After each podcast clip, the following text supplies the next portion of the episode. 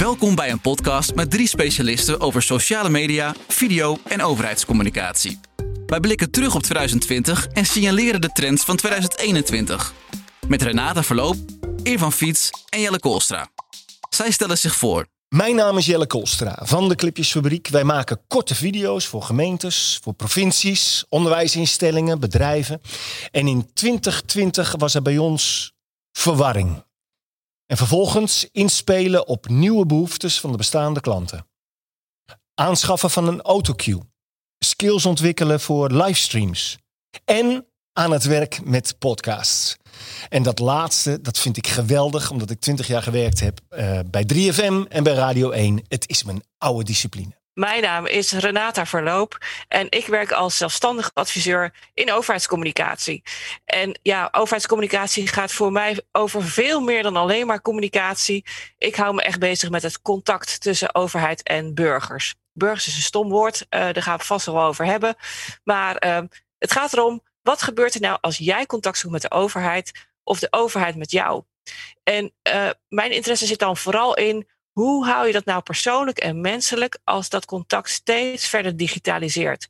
Als we iets gezien hebben afgelopen jaar, is het wel dat dat contact steeds verder digitaliseert. En mijn naam is Eer van Fiets van Psycho Media en wij ontwikkelen social media campagnes. En dit doen wij niet heel toevallig voor eerder genoemde doelgroepen, de overheid.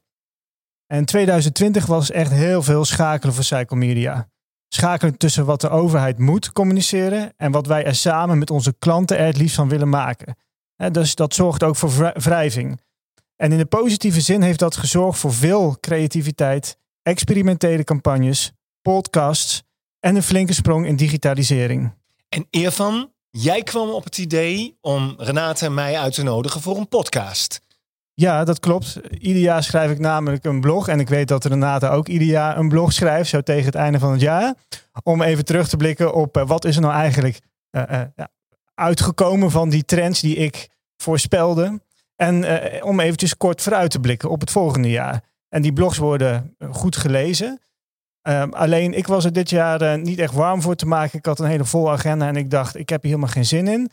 En toen dacht ik aan podcast. Hè? En hoe leuk is het dan wel niet als we die podcast samen met andere experts in een eigen vakgebied opnemen? En zo kwam ik uh, ja, heel organisch uit bij Jelle en de Clipjesfabriek. Want wij werken veel samen met Jelle. En, en ik dacht, we moeten ook een derde persoon hebben. Een, een persoon die als, als, als bruggenbouwer fungeert tussen, tussen overheidsthematiek en ook digitaal haar, haar mannetje staat. En toen kwam ik uit op Renata. Renate Verloop, hoe was jouw jaar? Hoe begon het en hoe ontwikkelde het zich? Ja, nou, mijn, uh, mijn jaar begon echt al heel gek. Want uh, in februari ging ik naar een vergadering. En uh, nou, je kent dat wel. Ik liep met mijn telefoon in mijn ene hand en mijn tas in de andere hand. En toen struikelde ik heel stom over een bouwplaat. En toen had ik mijn arm uit de kom. En dat was niet te tof. Ik dacht altijd, oh, schouder uit de kom, dan die zet je terug en dan is het klaar. Maar dat was dus helemaal niet zo. Dus ik ben weken onthand geweest. En um, dus ik was ook wel qua werk enigszins uitgeschakeld. Uh, dus vanuit die situatie begon de hele coronatoestand. Dus ik, uh, ik was al um, ja, behoorlijk uh, onthand, zeg maar. En toen viel opeens wat er nog wel stond qua werk natuurlijk weg. Want ik was met veel teams bezig met het stellen van prioriteiten. Nou, ik kan je vertellen, daar was op dat moment nog maar één prioriteit in maart. En dat was natuurlijk communiceren over corona. Dus ik zat thuis en uh, ik voelde me in het begin een beetje uh, ja, onthand en langs de zijlijn staan. Hè. Bij mijn klanten, ik werk veel voor gemeenten, was iedereen snoeihard aan het werk. En ik dacht, jemig, ja, wat kan ik nou doen? En um, nou, ik ben toen eigenlijk uh, begonnen in maart, april om eens een uh, overzicht te maken. Want ik ging mijn nieuwsbrief maken en toen zag ik dat er ontzettend veel informatie kwam. Hè, en ook op hele verschillende manieren. Dus de, er werd uh, informatie uh, gemaakt in eenvoudige taal. Uh, er kwamen video's met gebarentolken. En ik dacht, als je nou bij een gemeente werkt, waar vind je dat dan allemaal? Nationaal Kernteam Crisiscommunicatie was nog niet geactiveerd. Het stond nog allemaal niet op rijksoverheid.nl. Dus uh, toen heb ik een uh, pagina gemaakt met communicatietips. En die werd uh, nou, in een week tijd gewoon 10.000 keer bezocht. Dus daar was in die beginfase ontzettend veel behoefte aan. Dus communicatiemiddelen uit betrouwbare bronnen heb ik het maar, maar genoemd. Is het dan zo, Renate, dat jij gelijk al het antwoord hebt op de vraag die ontstaat? Ik, ik vraag het omdat wij mm. kregen op een gegeven moment vragen waar, waar van we ook niet wisten van hoe we dat moesten oplossen. Dus ik had alle innovatieve kracht nodig van uh, ons team om, om nieuwe antwoorden te formuleren. Hoe is dat bij jou? Ja, ik denk dat ik, uh, ik ben iemand die vooral kijkt wat er gebeurt en dan kan kijken welke waarde ik kan toevoegen. En um, um, ja, dat was op dat moment overzicht creëren en uh, structuur geven. Dus dat, dat was voor mezelf uh, heel fijn dat ik iets kon doen en daar was behoefte aan. Dus ik denk niet dat het zozeer iets nieuws was, want een overzicht maken is natuurlijk helemaal niks nieuws. Maar dat is wel wat daar, wat, ja, op dat moment was daar de behoefte aan. En um, ja, in de loop uh, van het jaar hè, kwam het werk wel weer terug voor mij. Ook kwamen andere opdrachten voor in de plaats. Hè. Bijvoorbeeld, uh, ik ben een webinarserie gaan presenteren voor uh, Direct Duidelijk. Die zouden bij een bijeenkomst in het land gaan doen. Maar ja, dat ging natuurlijk niet door. En dat is een webinarserie geworden. En dat is ja, dat is echt super goed gegaan. Want we hebben veel meer mensen bereikt dan ze met die landelijke bijeenkomsten hadden kunnen bereiken. Maar ondertussen was ik ook aan het kijken. Dus ja, dat, hè, weer dat kijken, wat gebeurt er uh, bij de gemeentelijke communicatieafdelingen. En um, ja, ik zag dat die het gewoon ontzettend druk hadden. En ik wist uit eerder onderzoek dat ze vaak behoefte hebben om te benchmarken. Dus uh, hoe is de situatie bij ons? Is het nou bij ons zo anders dan bij andere gemeenten? Wij komen handen tekort. komt het nou door hoe wij het georganiseerd hebben of is het ergens anders ook zo? Dus ik heb ook in april een uh, onderzoek gedaan naar de impact van uh, corona op communicatieafdelingen bij uh, teams en of bij veiligheidsregio's en gemeenten. Het onderzoek hebben we herhaald in oktober. Ja, en daar was ook heel veel behoefte aan. Dat heb ik samen gedaan met Logaion, de beroepsvereniging, en de VNG, de Vereniging van Nederlandse Gemeenten.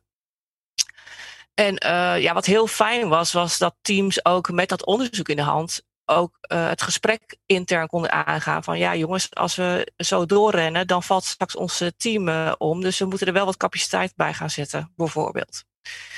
Dus um, ja, dus dat is eigenlijk, ja, heeft de rest van het jaar voor mij natuurlijk in het teken van, uh, van corona gestaan. Op het moment dat jij een blog schrijft die door tienduizenden mensen wordt gelezen, mm -hmm. is dat dan omdat je zo'n goed verhaal hebt? Omdat je de juiste tekst gebruikt. Omdat je netwerk gewoon zit te wachten op deze boodschap. Wat, wat is het succes? Ja, dat is een goede vraag. Nou ja, de nood die er was aan wat ik deed. En dan inderdaad, ik heb gewoon wel een goed netwerk in, de, in, in, in overheidsland. Dus uh, als dat er eenmaal is, weten mensen dat ook wel te vinden. En in de zomerperiode ben ik daar uh, weer mee gestopt. Omdat hè, toen de crisis uh, tot rust leek te komen en ook het crisisteam werd afgeschaald. Maar ik ben de half november heb ik hem weer opgestart. En nu met een iets andere insteek. Omdat ik ook ja, gigantisch veel uh, interessant onderzoek bijvoorbeeld voorbij zie komen. Dus uh, ja, hoe maak je dan een strategie voor de komende periode? Hoe zit het dan met gedrag en beïnvloeding daarvan? Um, uh, er wordt veel onderzoek gedaan naar de acceptatie en, en werking van de coronamelder bijvoorbeeld. Dus, en toen dacht ik ook, dat wordt nergens centraal verzameld. En um, ja, daar word ik niet voor betaald. Dus uh, liefdewerk, uh, oud papier. Maar uh, ja, je ziet wel dat daar enorme behoefte aan is. Irfan, hoe was je jaar? Hoe begon het?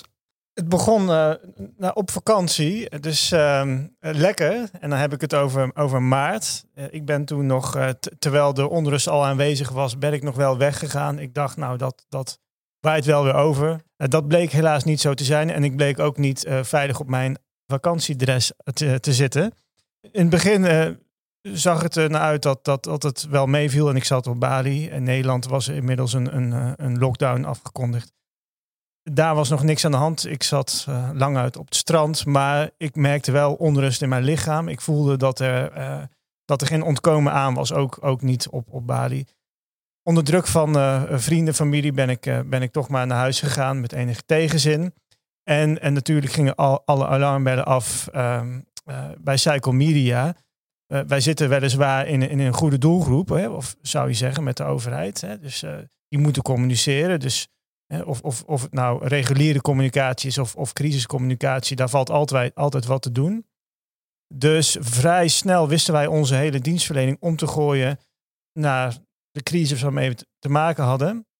Al vrij snel werd duidelijk dat er geen ruimte was voor psycho media. Alle communicatie werd centraal georganiseerd en geproduceerd. En dan heb ik het over de Rijksoverheid content, hè, de pasklare content met, met uh, heel praktisch de regeltjes gecommuniceerd, wat Renata net ook al, ook al zei. Hè. Dus, dus heel, een, een hele klassieke manier van, van communiceren met de burger. Crisiscommunicatie, er moet nu en snel gecommuniceerd worden. Dus inhoudgedreven, niet vormgedreven. Inhoudgedreven kan daar best ruimte zijn geweest, maar communicatieteams die, uh, die werden dusdanig opgeslokt door, uh, uh, door de realiteit dat, dat er geen tijd was om te sparren met ons. Qua vorm zijn wij natuurlijk afhankelijk, omdat wij veel voor gemeenten werken, van, van de lokale campagne. Hè? Met de lokale look en feel, de lokale toon. En daar kan onze creativiteit pas echt tot zijn recht komen. Dus toen die lockdown, toen die werd gestopt, hè, toen die af was gelopen, we weer terug konden naar een enigszins normaal leven, uh, konden wij ook weer, omdat iedere situatie uh, bij iedere gemeente weer anders is, konden wij ook weer ons laten gelden op campagnematig gebied. Omdat gemeenten toen met de, vragen, met de vraag bij ons kwamen, oké, we hebben straks te maken met een kermis. Of we zien dat, dat de strand overbevolkt is. Hoe kunnen wij die bezoekersstromen wat meer managen of reguleren? En zo was daar weer in één keer ruimte voor de campagne. En toen heb ik met, uh, met meerdere gemeentes en, en uh, projectteams samengewerkt aan uh, in, in hele korte periodes aan, aan lokale campagnes. Daar haal ik veel meer energie uit. Ik kan ook daar mijn stempel natuurlijk drukken.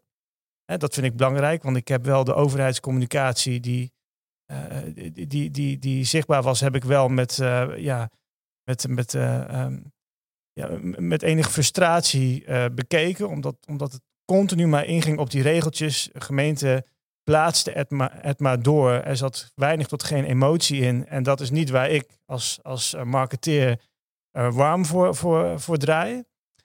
Um, maar lokaal gezien en, en um, dus met teams die ook wilden en moesten hebben wij toch een aantal mooie campagnes uit de grond weten te stampen. En die campagnes gingen ook meer in op, op uh, de, de neveneffecten van corona. Dus wat zijn de effecten van de maatregelen op uh, de lokale gemeenschap? Jongeren die thuis wegkwijnen achter hun pc. Uh, er is, er is weinig tot niks geregeld voor jongeren door gemeenten. Hè. Dus jongeren waren echt aangewezen op zichzelf. En de overheid roept dan wel nou, jongeren, belangrijke doelgroep voor ons. Uh, probeer ze te bereiken. Maar in de praktijk zie je dat bijna niet gebeuren. Ook met oud en nieuw zie je eigenlijk geen, geen georganiseerde events vanuit gemeente. Uh, laat staan dat jongeren zitten te wachten op een georganiseerd event vanuit de gemeente. Ja. Dus, Ervan, uh, mag ik jou wat vragen? Ja, natuurlijk. Want zie je dan wel dat, het, dat nu, het is een beetje zeg maar de tweede fase van die crisis, dat overheden wel meer bezig zijn met, hé, hey, wat speelt er nou in onze gemeente en hoe kunnen we daarop inspelen? Zie jij daar wat meer aandacht en ruimte voor komen? Ja, inmiddels wel. Alleen door uh, de nieuwe uh, lockdown van, van vorige week lijkt dat weer op een lage pitje te staan. Mhm. Maar er worden uh, veel, veel peilingen gedaan onder, onder jongeren. Ik zie niet altijd iets, direct iets gebeuren met de uitslag van die peilingen. Ik denk dat veel gemeenten echt wel de, de vinger op de gevoelige plek weten te leggen. Uh, ook, ook burgemeesters doen een, uh, doen een roep om, om meer aandacht voor, voor de kwetsbare doelgroep en voor de bijkomende effecten van de maatregelen. Maar ik zie nog altijd weinig beweging als het gaat om initiatieven. Ik weet niet of jij, of jij dat anders ziet. Renata? Nee, ik maak me daar ook wel een beetje zorgen over. Want ik, ik zie ook dat de, communicatie toch erg gericht is op, op preventie. Hè? Dus uh, de maatregelen en het naleven van de maatregelen. Um, dat, dat de veiligheidsregio is natuurlijk aan zet hè, voor beleid, ook qua communicatie. Maar ik, ja, ik denk toch dat, de dat het aan de gemeente is om, om die community building te gaan doen. Om echt te kijken, hé, hey, wat speelt er nou in onze gemeente? Waar zit de eenzaamheid nou in onze gemeente? Welke ondernemers hebben echt hulp nodig? En, en ook, weet je, wie verdient er om even in het zonnetje gezet te worden? Dat zie je sommige gemeenten wel doen, uh, gelukkig. Uh, maar echt een, een, uh, een beetje strategisch plan daarvoor, dat, ja, dat ontbreekt nog. En ik zie ook dat gemeenten er erg verschillend mee omgaan. Dus de, de ene gemeente, hè, Rotterdam bijvoorbeeld, die heeft volgens mij gezegd: uh, de prioriteiten zijn duidelijk. We doen corona, we doen herstel na corona. En als er nog een klein beetje tijd overblijft, dan doen we nog iets anders. Maar bij andere gemeenten lijkt het alsof het business as usual is. Met uh, corona, wat er vanaf de zijkant af en toe een beetje als stoorzender op inwerkt. Dus dat is heel. Um, ja, dat vind ik toch wel typisch eigenlijk. Is het zo dat jullie afgelopen jaar op een gegeven moment elkaar nodig hadden? Renata en Irvan? Nee, dat, dat denk ik niet. We hadden elkaar niet nodig. Maar ik volg uh, Renata graag. En zij heeft mij een keer een mail gestuurd toen ze een case voorbij zag komen waar toevallig Jelle uh, en, en Psycho Media, dus Clippersfabriek en Psycho Media samen aan hebben gewerkt. En dat ging over de vechtcampagne in Alfa aan de Rijn. En dat was, dat was zo'n voorbeeld van een campagne waarbij uh, ik samen met de projectgroep had bedacht en, en, en, en Clippersfabriek om eens een, eh, een, eh, een, een, een ruimte te geven aan het tegengeluid. Om, om jongeren niet alleen maar te, te vragen om te geven en te geven. Maar dat ze ook konden aangeven waar, waar vecht je tegen, waar loop je tegenaan, waar zit je mee. En zo proberen input op te halen waar je vervolgens weer wat mee kan. Maar, maar Renata en ik, wij, wij helpen elkaar in de zin van, nou ja, ik blijf makkelijk op de hoogte. Zoals ook gemeentes doen. Hè, door gewoon eventjes uh, op haar website een, een, kijkje te nemen. En dan ben je binnen vijf minuten ben je eventjes, eventjes bij. Hè? Wat, uh, wat is er allemaal uh, gepasseerd en wat, waar kunnen we van leren? En Renata die houdt gewoon goed LinkedIn op de gaten om te, in de gaten om te kijken waar, ja, waar, waar interessante ervaringen te vinden zijn, cases en noem maar op. Ja, en, en nou ja, nu doe je jezelf wel iets te kort ervan, want wij uh, hebben nog niet echt uh, direct samengewerkt. Maar de kwaliteit van video is natuurlijk wel super belangrijk. Hè? Dus daar heb ik natuurlijk wel met veel gemeentelijke klanten ook over gesproken, met name in het begin. Je zag natuurlijk verschrikkelijke video voorbij komen. Uh, burgemeesters die in hun strakke pak in het kantoor, hè, uh, um, gevangen in het cameralichten, een verhaal hielden. Ja, de ene burgemeester doet dat ook makkelijker dan de andere. Uh, maar daar heb ik wel wat mensen op aangesproken van, joh, ik denk dat jullie even iets moeten gaan doen aan de kwaliteit van het beeld hier als je over wil komen. Dus ja, dat, dat, dat, dat video en, en het en de insteek daarvan en de warmte volgens mij waar je dat mee maakt super belangrijk wordt. Dat, dat lijkt me heel duidelijk. Ja. Eh, twee opmerkingen in deze. Van video maken heeft van helemaal geen verstand. Nee, nul. Dat wij. en twee is eh, die, die uh, video's met die burgemeesters in die pakken. Die hebben wij gemaakt. en ik zal weer uitleggen hoe we daar een volgende stap mee hebben gemaakt. In 2020, zoals het bij ons begon jongens. Want wij hebben... Er zitten hier zo'n twintig jonge mensen uh, hier bij de Clipjesfabriek. En ik, ik uh, we hadden bijvoorbeeld vier klanten. We hebben veel meer klanten, maar vier klanten. Namelijk de gemeente Almere. We, we maken uh, bijna twee wekelijks een, soort van vlog met de burgemeester. De provincie. We, we waren net in 2020 een uh, traject gestart waarbij we de, de Leen Verbeek, de commissaris van de Koning, moest zichtbaar worden. Want hij moest herkozen worden een herbenoeming krijgen. Uh, drie, we hadden brandweer. De brandweer, Gooi en Vechtstreek en Flevoland, die wilden een, een, uh, een maandelijks televisiemagazine. En uh, we hebben een aantal onderwijsinstellingen. Het van Amsterdam is de grootste, grootste MBO van Nederland, maar ook de grootste klant van ons. En uh, op een gegeven moment, er waren natuurlijk allerlei events waar wij altijd hele leuke video's van maken. Want een event is leuk voor 500 mensen, maar een, een video van een event is uh, goed voor misschien wel duizend of tienduizend uh, mensen die daarnaar kunnen kijken. Maar al die events die droogden op. Dus we kregen allemaal afzeggingen binnen in maart. En eerst voorzichtig, we, we stellen het een maandje uit. En op een gegeven moment werden ze afgesteld. Um, dus wij moesten andere dingen doen. En de, de burgemeester, die volgden wij altijd op het moment dat hij naar allerlei groepen mensen gingen en uh, fysiek uh, op pad ging. Maar ja, hij ging niet meer uh, fysiek op pad, want dat mocht niet meer. Maar hij wilde wel zijn troepen toespreken. Hij wilde wel zijn burgers bereiken. Nou, toen hebben wij een autocue gekocht heel slecht idee, want dan krijg je die mannen in die pakken die uh, op de boodschap uh, oplezen. De boodschap oplezen. maar we hebben het wel gedaan, want er was gewoon behoefte voor. En die behoefte ja. had ook Leen Verbeek, de commissaris van de Koning. En die behoefte had ook de brandweercommandant. Zij moesten gewoon uh, hun toespraakjes houden, zoals Mark Rutte dat ook doet. Hè? Ja. gewoon camera, pak, Autocue. En, en waarom Ja. moest dat, of waarom is dat makkelijker met een autocue? hè? Want vorig jaar namen jullie ook al video's op met de burgemeester. Eh, wat, wat kon hij nu niet en wat hij met een autocue wel kan? Nou, het was. Eh, eh, Je moest heel nadrukkelijk dit zeggen en niet dat. Dus niet improviseren. Moest Dus correct mensen- zijn. Ja, het moest correct zijn. Die behoefte hadden ze ook. Onze burgemeester is ook voorzitter van de veiligheidsregio. Dat zijn er zo'n 25 eh, burgemeesters in Nederland. Dus hij wilde het wel precies goed zeggen. Dus dan is een autocue, en datzelfde gold ook voor de commissaris en voor de, de brandweercommandant. Dus, en dat, dan helpt een autocue. Dan kijk je gewoon in de camera, je kijkt je kijkers aan en ondertussen doe je wel de juiste tekst. Maar Jelle, dat is absoluut niet het, eh, het geval met een livestream, toch? Daar kan van alles misgaan. Precies. En je bent hartstikke live. Dus Ja, hoe ja. zit dat dan? Nou ja, dat is de, de volgende stap. Dat je op een gegeven moment met elkaar gaat afspreken van we gaan live televisie maken. En dat is dus een andere discipline. En dat betekent, dat, dat merk je ook, dat sommige bestuurders dat erg onhandig vinden. Want dan moeten ze soms o- eh, eh, onplezierige vragen beantwoorden. Hè, Ja. de- eh, Mark Rutte is daar bijvoorbeeld fantastisch goed in. Maar sommige politici vinden dat lastig. En, eh, en dat merk je natuurlijk aan burgemeesters en zeker commissarissen van de Koning. Die zijn dat helemaal niet. Die willen dat niet. Die zoeken dat niet op. Die willen gewoon hun verhaal vertellen. Kan een beetje onwennig aanvoelen. Eh, Renate, wat, wat heb jij gezien als het gaat om de livestreams van de burgemeesters?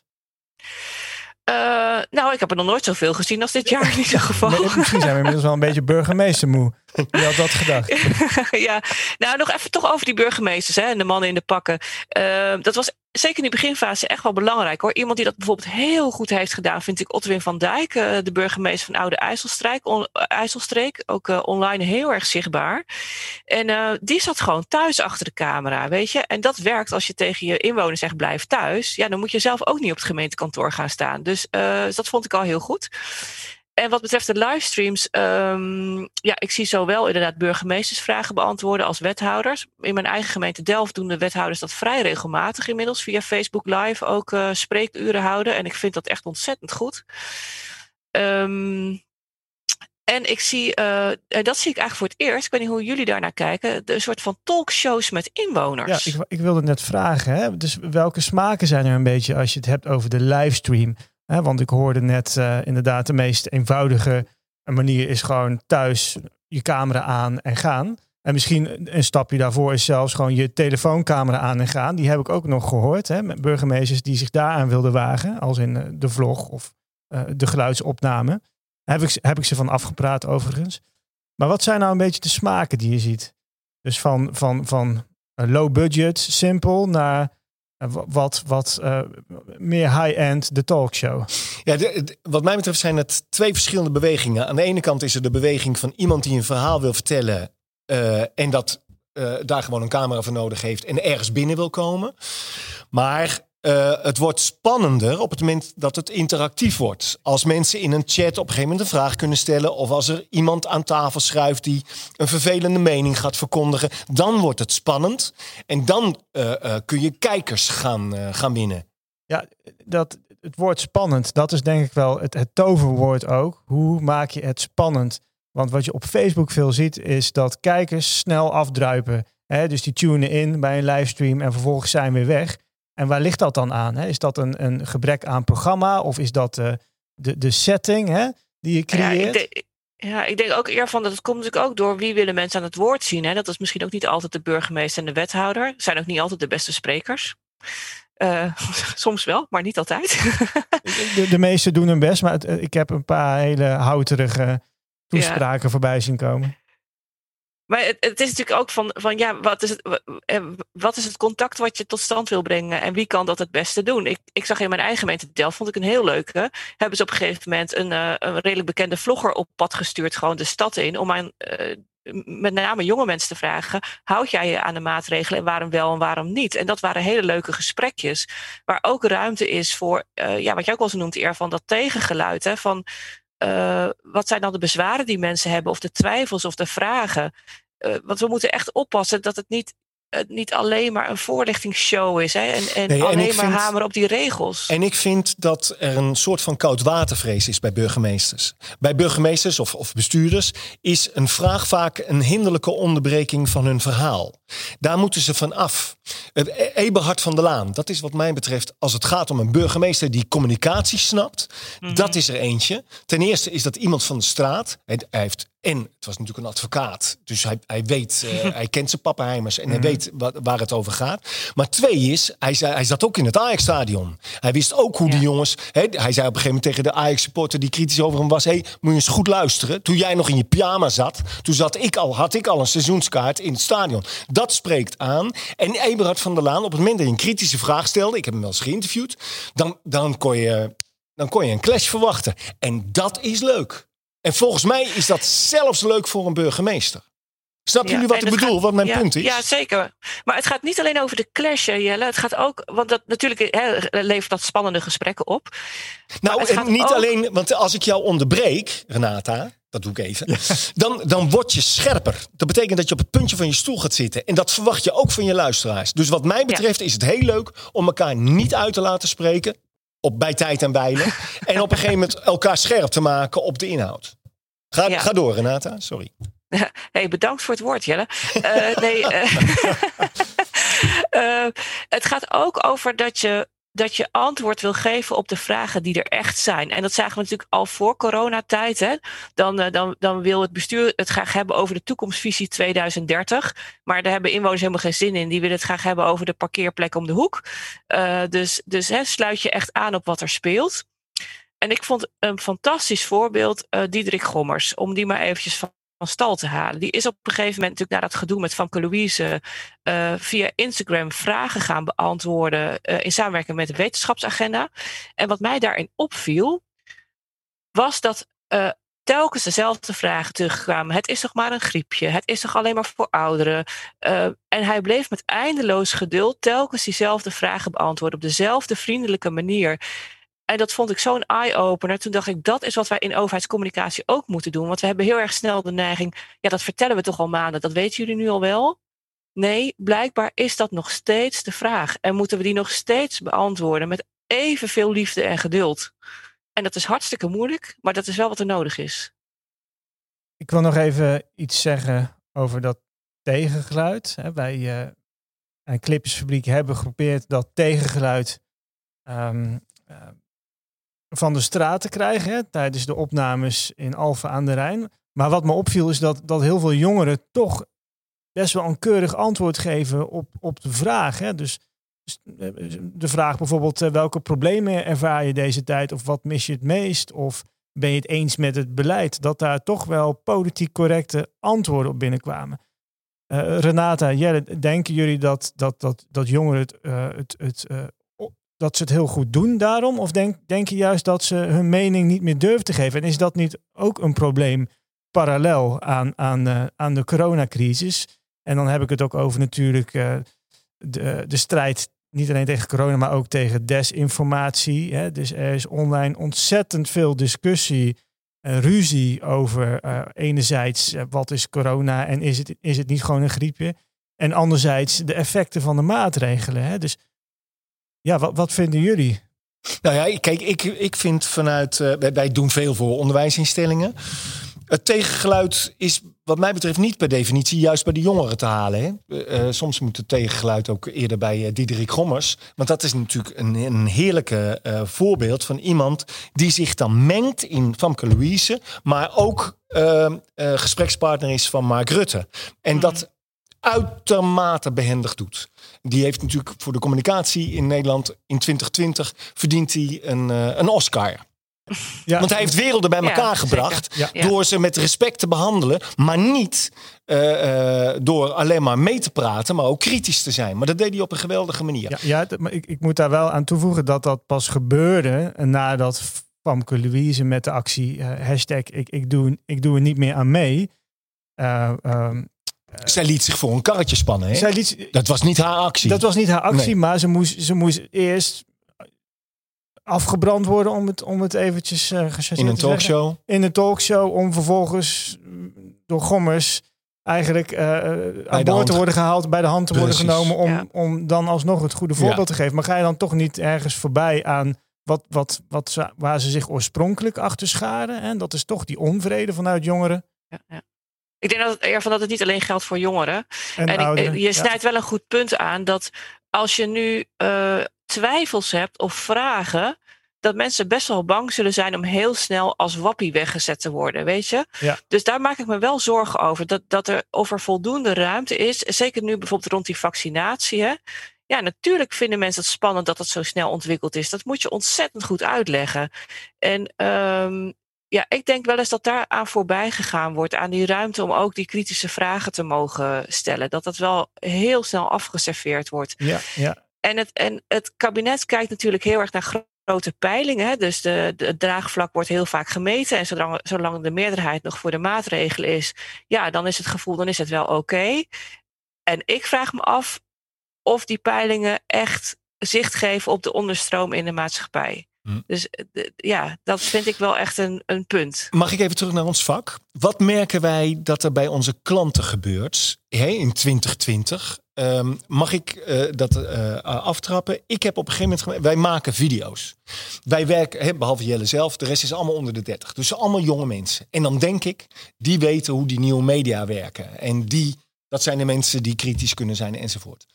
Het is niet waar. Ze weten wel, eh, het zit wel in hun, in hun genen, maar ze weten het nog niet gelijk operationeel te maken. Dat was de reden dat op een gegeven moment iemand bij ons zei van je moet eens met Irvan gaan praten. Irvan Fiets, die, die snapt het en die kan met jouw bagage daar iets aan toevoegen.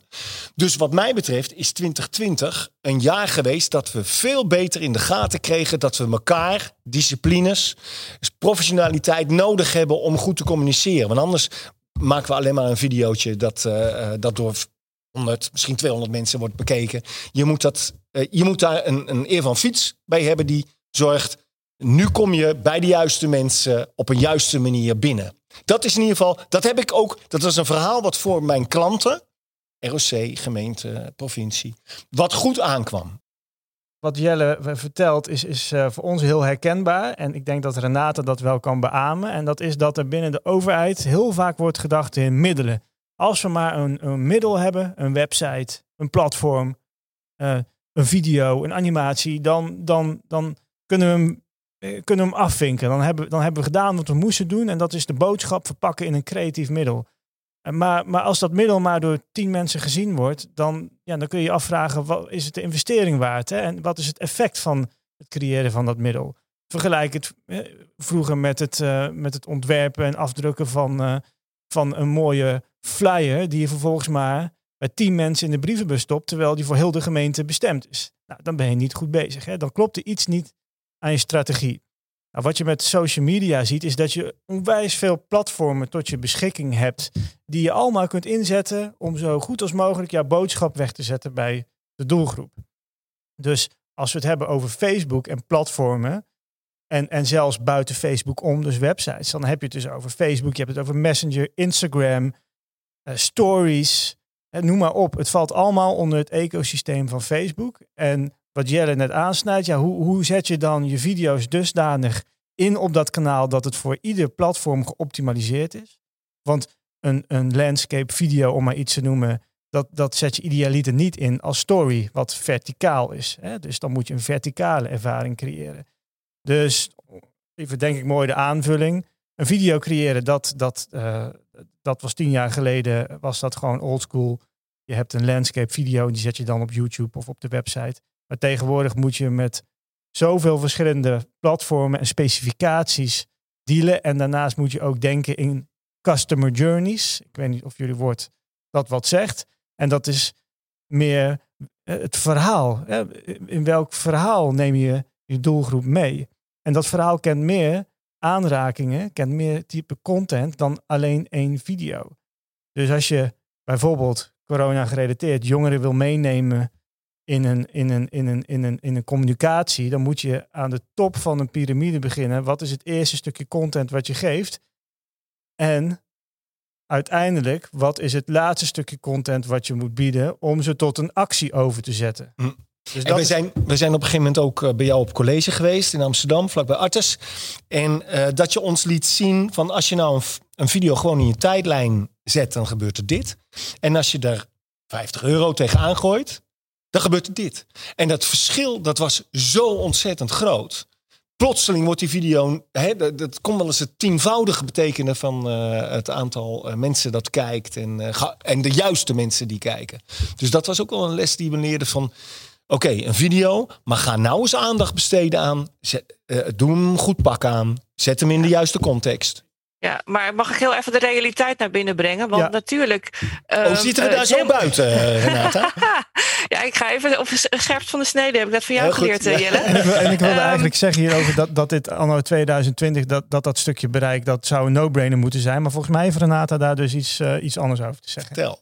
Uh, nou ja, nee, dat, dat, dat van het bereiken, dat is inderdaad een no-brainer. Maar uh, die specialisatie die je nu beschrijft, hè, ik, hè, dat samenwerken vanuit verschillende disciplines, dat is heel mooi. Dat is ook uit het onderzoek wat ik heb gedaan naar voren gekomen, dat dat heel erg nodig was en dat dat heel erg als fijn is ervaren. Dat er ook binnen organisaties vanuit verschillende disciplines werd samengewerkt, want het was gewoon duidelijk wat er moest gebeuren. Um, en en dan de inzet van zo'n middel, dat video, dat is, dat is redelijk specialistisch. En ik denk dat daar bijna ook een externe voor nodig is. Want er is bijna geen ruimte om dit soort kennis op dit moment uh, op te doen. Uh, je ziet ook dat in de drukte, hè, de eigen teamontwikkeling, die is als eerste op de lange baan geschoven. Dus teams moeten nu heel snel bijleren, maar nemen daar juist, hè, hebben daar gewoon de tijd niet voor. En vergis je niet, waar gemeentelijke communicatieteams tegenaan lopen, is dat ze nu hun handen vol hebben aan communicatie over corona. En in het voorjaar was er nog begrip van de organisatie dat daardoor sommige dingen niet konden. Maar nu moeten dingen voor het eind van het jaar moesten wel af. Dus de druk om ook door te gaan met communicatie over de energietransitie, over de omgevingswet, over uh, andere projecten in de gemeente, ja, die zat er gewoon volop op. Dit is een podcast met Renate Verloop, Irvan Fiets en Jelle Koolstra over sociale media, video en overheidscommunicatie. Wat was 2020 en wat wordt 2021? Wij leggen dat voor aan burgemeester Frank Weerwind van Almere, commissaris van de Koning Leen Verbeek van de provincie Flevoland en Jacobine Geel, de hoogste baas van GGZ Nederland en presentator bij de NCRV. 2020 was een uh, gezondheidscrisisjaar waarin we uh, bewoners moesten aanspreken op hun gedrag. En waarin bewoners ook duidelijk moesten maken dat het om hun eigen gezondheid ging en dat we geen vaccin hadden. Dus hun gedrag was het belangrijkste vaccin. In 2020 heb ik met name de eerste golf van de coronacrisis gezien, de saamhorigheid van de Nederlanders. Hoe we naar elkaar om gingen kijken. Hoe we omgingen met mensen die eenzaam waren. Hoe we trots waren op onze volksgezondheid. En hoe we juist de mensen die daarin werkten op het schild hezen en terecht. 2020 is een jaar geweest van de, de, grote verrassingen in de agenda waar wij mee werkten. Natuurlijk eh, zijn we als provincie ambitieus in vele projecten, maar plotseling komt de coronacrisis daar dwars doorheen. Dus je krijgt als het ware een dubbele agenda. Het bestrijden van de crisis en mogelijkheden zoeken om van de crisis ook weer voordeel te maken in 2021. Ik verkeer in een werkomgeving waarin we met z'n allen ontzettend uh, gemotiveerd ambitieus zijn hè, om die veranderingen het hoofd te bieden. En te kijken of we daar ook uh, ontwikkelingen uit kunnen putten waar uiteindelijk de provincie toch weer beter van wordt. Ondanks alle narigheid die we ook meemaken.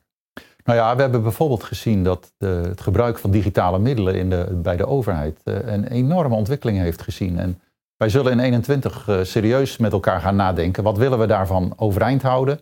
Maar waar willen we ook weer afscheid van nemen? 2021 is een jaar van de verwachting. de verwachting dat we de crisis het hoofd bieden de verwachting dat we de agenda waar we aan werken voor de ontwikkeling van Flevoland, dat we daar ook prestaties gaan leveren, dat het er ook echt van komt. Uh, en ook een agenda van weer nieuwe afspraken, wat we daarna gaan doen. 2020 was natuurlijk een heel ingewikkeld jaar dat je om allerlei redenen had willen overslaan. Maar als het gaat om hoe we ons werk inrichten en hoe we als vereniging functioneren, dan was dit een heel spannend jaar en een jaar van ontdekkingen. Want uh, het adagium in de samenleving was houd afstand. En dat hebben we natuurlijk gedaan. Maar om dat te kunnen doen en toch een vereniging te zijn, moesten we natuurlijk gebruik maken van de media. Om, om boodschappen uh, met onze leden te delen, om onze ALV's op een goede manier te laten verlopen. Om uh, op bezoek te gaan bij uh, leden en te laten zien van wat gebeurt daar nou als het gaat om eh, corona en alles wat dat met zich meebrengt. Uh, en het gekke effect daarvan is dat we misschien meer dan ooit bij elkaar in de keuken hebben kunnen kijken als leden van de vereniging de Nederlandse GGZ. Dat de ALV's meer dan ooit bezocht worden. En dat die afstand dus eigenlijk op een bepaalde manier verkleind is in plaats van vergroot. Dus als ik me nou afvraag, wat neem ik mee van deze crisis? Dan is het het innige verlangen om daar nooit meer mee te stoppen. Want het, het, het, het verhoogt de dynamiek, het verhoogt de interactie. Dus dat zijn allemaal uh, ja, hele positieve effecten die mensen misschien pas gaande het jaar zich zijn gerealiseren. Maar die wel heel erg bijdragen aan een, een soort gevoel van een bloeiende vereniging te zijn. Wat gebeurt er, jongens, in 2021 waar we met z'n allen aan de bak moeten? Ik zou uh, als eerste willen zeggen: niks baanbrekends. Nee? Althans, op technologisch gebied uh, zou ik niet te veel verwachten. Het zou ook al kunnen betekenen dat we teruggaan naar de basis. Hè? De afgelopen jaren zag je een onwijze groei in kanalen en te technologische innovaties. En nu zie je dat dat wat meer in een volwassenheidsfase is aangekomen. Dus het is eigenlijk wel oké. De kanalen die er nu zijn, daar zullen nog de nodige functionaliteiten. Welke kanalen zijn volwassen geworden? TikTok? Een TikTok is, uh, is, is nog hard aan het groeien. Dat is een, een kanaal wat nieuw is, maar de, de, het type format voor TikTok is, is, is alweer bekend. Hè? Dus de, de reels. Precies. Ja, dus dat, dat kennen veel bedrijven, merken inmiddels wel. Ik moet zeggen dat gemeenten er nog niet op actief zijn. Ik zie wel een politie Hoekse Waard die is gaan experimenteren op TikTok. En dat is een onwijs succes gebleken. Die hadden uh, binnen no time 7000 volgers. En zagen dat ze een onwijs hoge betrokkenheid had. En dat hun content ook heel makkelijk gezien werd. Omdat TikTok op, uh, werkt op basis van beloning. En niet zozeer het aantal volgers wat je hebt. Dat is minder relevant. Je moet gewoon fun. Hè? Dus, dus content die fun is. Uh, nou, of ik daar zelf mee aan de gang ga, dat weet ik niet. Maar um, waar ik blij mee ben en waarvan ik hoop dat het doorpakt, is natuurlijk als er iets belangrijk is geweest afgelopen jaar, dan is het de omgeving in beeld hebben. Dus alle gemeenten hebben wel een tandje bijgezet met de, de monitoring. Hè. Wat, wat wordt er gezegd in de kranten? Wat wordt er gezegd op social media? Wat voor vragen spelen er? Kunnen we daarop inspelen? De newsrooms hebben een onwijze vlucht uh, gemaakt. Dus ik hoop dat dat voordeel wordt doorgezet naar andere dossiers dan uh, corona. Dus dat het ook voor andere onderwerpen, ja, die omgeving echt goed in beeld wordt gebracht en communicatie daar veel meer op aan gaat sluiten. Want jongens, jongens, jongens, wat zenden we nog veel binnen de overheid? Mm. Dus uh, uh, het echt inspelen op wat er speelt in de samenleving, dat moeten we nu noodgedwongen. En ik hoop echt dat we dat gaan vasthouden. En is dat een kwestie van je, dat je ze wakker moet schoppen? Moet je ze wakker kussen? Wat, wat, wat moet er gebeuren om die gemeentes daar eens van uh, te doordringen? Ja, ik, ik, ik, vind dat communicatieteams daar een hele belangrijke rol in spelen. Dus die moeten echt dat beeld naar binnen gaan brengen. En je merkt op, op het moment dat ze dat kunnen, um, um, dan zie je ook pas de mogelijkheden. En uh, dus dat, ja, dat is echt uh, de communicatieteams die zichzelf in positie moeten brengen daarin. En daar de organisatie in gaan meenemen. De podcast over sociale media, video en overheidscommunicatie loopt ten einde. Maar wij weten dat luisteraars graag tips willen horen. En het liefst in de vorm van een top 10. En als de luisteraars dat willen, krijgen de luisteraars dat. Van Renate Verloop, Eva Fiets en Jelle Koolstra. En wij beginnen. De top 10 communicatietips voor 2021. Met op nummer 10. 10. 10. Niet helemaal aan de orde geweest, wel belangrijk. Deze crisis raakt iedereen. Aandacht voor inclusief communiceren. Hè, gebarentolken, eenvoudig taalgebruik, informatie in andere talen. Hebben we gezien, dat wordt absoluut een thema voor 2021. Op nummer 9. 9. Video is een alternatief. Overal waar de fysieke beperking een rol speelt. Maar neem het wel serieus. Want op het moment dat je op een video iemand aanspreekt, is dat echt iets anders dan fysiek. Dus daar moet je goed over nadenken. Nummer 8. 8. Ga voor authentieke content. De cijfers laten zien hè, vanuit onze campagnes dat deze content sowieso beter scoort dan de pasklare regels waar mensen inmiddels ook wel klaar mee zijn. En, en ik wil gemeenten meegeven dat, dat dus de Rijksoverheid en, en de gemeente, ik snap dat het allemaal overheid is, maar je hebt als gemeente ook uh, de, de, de rol als lokale verbinder. Hè? Dus kijk meer naar jouw lokale gemeenschap. Wat is het sentiment daar? En pas je boodschap aan op die doelgroep. Nummer 7. Wat er ook lokaal speelt is de participatie. En online participatie is helemaal do- doorgebroken dit jaar. Noodgedwongen. Maar eh, 2021, dat wordt hem helemaal. We kunnen het nu, we doen het en we vinden het nog leuk ook. Op nummer 6. Video wordt steeds specifieker. Het valt mij op dat als ik bij de Albert Heijn een bonus kreeg, was het eerst eh, een kratje bier voor iedereen. Nu is het een kratje bier voor mij alleen. Dus ik krijg een hele persoonlijk bonuspakket van Albert Heijn. En zo gaat video ook werken. Dus niet een video voor iedereen. Een video voor alle jongens van een jaar of 16. Die eh, eh, met weinig haar op hun piemel. Die allemaal heel erg in de muziek zijn. Of een video speciaal voor mensen van 80 plus. Die allemaal eh, zich zorgen maken over eh, vaccinatie. Nummer 5. Als video en kort de nieuwe maatstaf is, als het dat al niet was, dan zou mijn advies zijn: zet lokale ambassadeurs in die handig zijn met het kanaal. Hè, communicatieteams zijn overbelast, maar willen wel Instagram, willen wel TikTok. Ze willen van alles, maar ze hebben er niet de specialismes voor. Dus ga er naar op zoek. En zo'n zo, zo, zo'n persoon kan op, op verschillende manieren ingezet worden. Denk bijvoorbeeld ook aan een employer brander. Iemand die intern mensen gaat interviewen. Die, ze, die, die in plaats van eh, een, een bloemetje per post, een bloemetje persoonlijk komt afgeven. Maak het menselijk. Dat is waar content op vra- om vraagt. Nummer 4. Dat is focus. Jongens, blijf niet rennen in de waan van de dag. Doe niet alles een beetje, maar doe wat je wil doen heel erg goed. Maak keuzes en ga ervoor. Nummer 3. Jongens, wat heerlijk. De doorbraak van de podcast. Gewoon iedereen zit de hele dag met die oortjes in. Zorg nou eens dat daar goede content voor komt. Natuurlijk is het leuk om naar muziek te luisteren. Maar het is ook naar, leuk om naar spannende mensen te luisteren. Om een spannend gesprek te horen. En dan kan je drie kwartier heerlijk van iets genieten. Lever de podcast in 2021. Nummer 2. Luisteren, luisteren, luisteren, luisteren. Er wordt te weinig geluisterd. Er moet meer geluisterd worden. Eh, de, de tijd is daar rijp voor. Jongeren zitten thuis, we hebben geen perspectief. Gemeente, kom met iets. Begin met luisteren. Zet het om in acties. En tot slot op nummer 1. Ja, daar wil ik heel graag de rode draad eh, naar boven halen die ik heb gehoord in ons gesprek. En dat is de overheid die midden in de samenleving staat, die onderdeel is van de gemeenschap. Dus het luisteren, het verhaal vertellen wat jouw inwoners echt nodig hebben en je specifiek daarop durven te richten. Openstaan voor het tegengeluid. Dat allemaal. Dat wordt het in 2021.